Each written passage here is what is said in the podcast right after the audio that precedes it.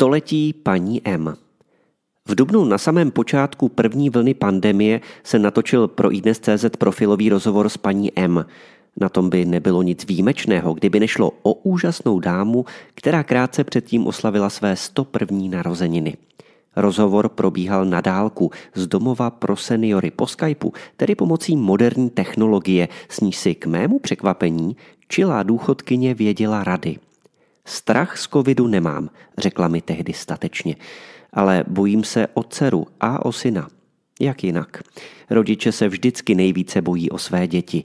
Jejich životy jsou druhořadé. Ochranu potomků mají lidé hluboce zakořeněnou ve své genetické výbavě.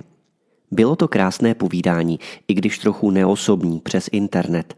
Paní M se mnou během 20-minutového rozhovoru prošla celé své století, které prý uteklo jako voda přišla na svět do neklidné doby doznívající první světové války. Formovaly se nové státy, králové a císaři končili v propadlišti dějin. Narodila se do zcela nové země, která zdaleka neměla vyhráno v boji o svou holou existenci. Muži, kluci, tátové i dědečkové se z války vraceli bez rukou nebo nohou. Lidé si stále ještě vážili obyčejných věcí – Neplýtvali, málo kdy zaháleli, pracovali, vytvářeli opravdové hodnoty. Dospívala v éře nástupu nacismu. Svobody a bezstarostné krásy mládí si moc neužila. Po okupaci ji jednoho strýce zavřeli Němci, druhý odešel do emigrace v Anglii. Válečné strádání využila k osobnímu růstu. Učila se jazyky sama, bez cizí pomoci, což se jí později mnohonásobně vrátilo – po válce se z ní stala kantorka a dlouhých 70 let učila na středních a vyšších odborných školách francouzštinu.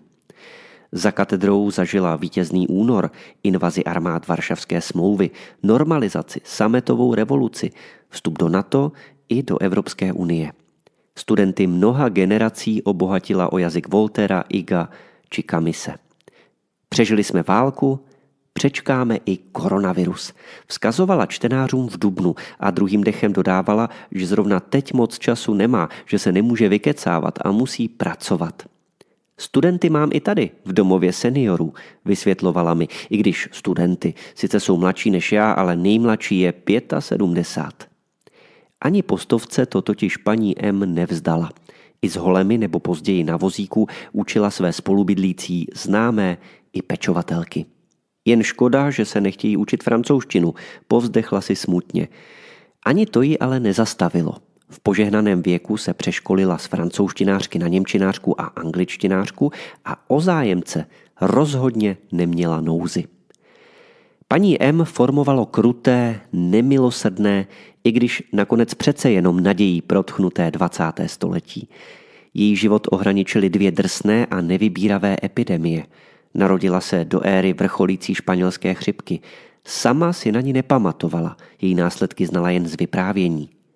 Pocházím z východních Čech, kde moc neřádila, ale byl problém s nedostatkem potravin, bylo hodně obětí. Vzpomínala v Dubnu, kdy naplno udeřila pandemie koronaviru.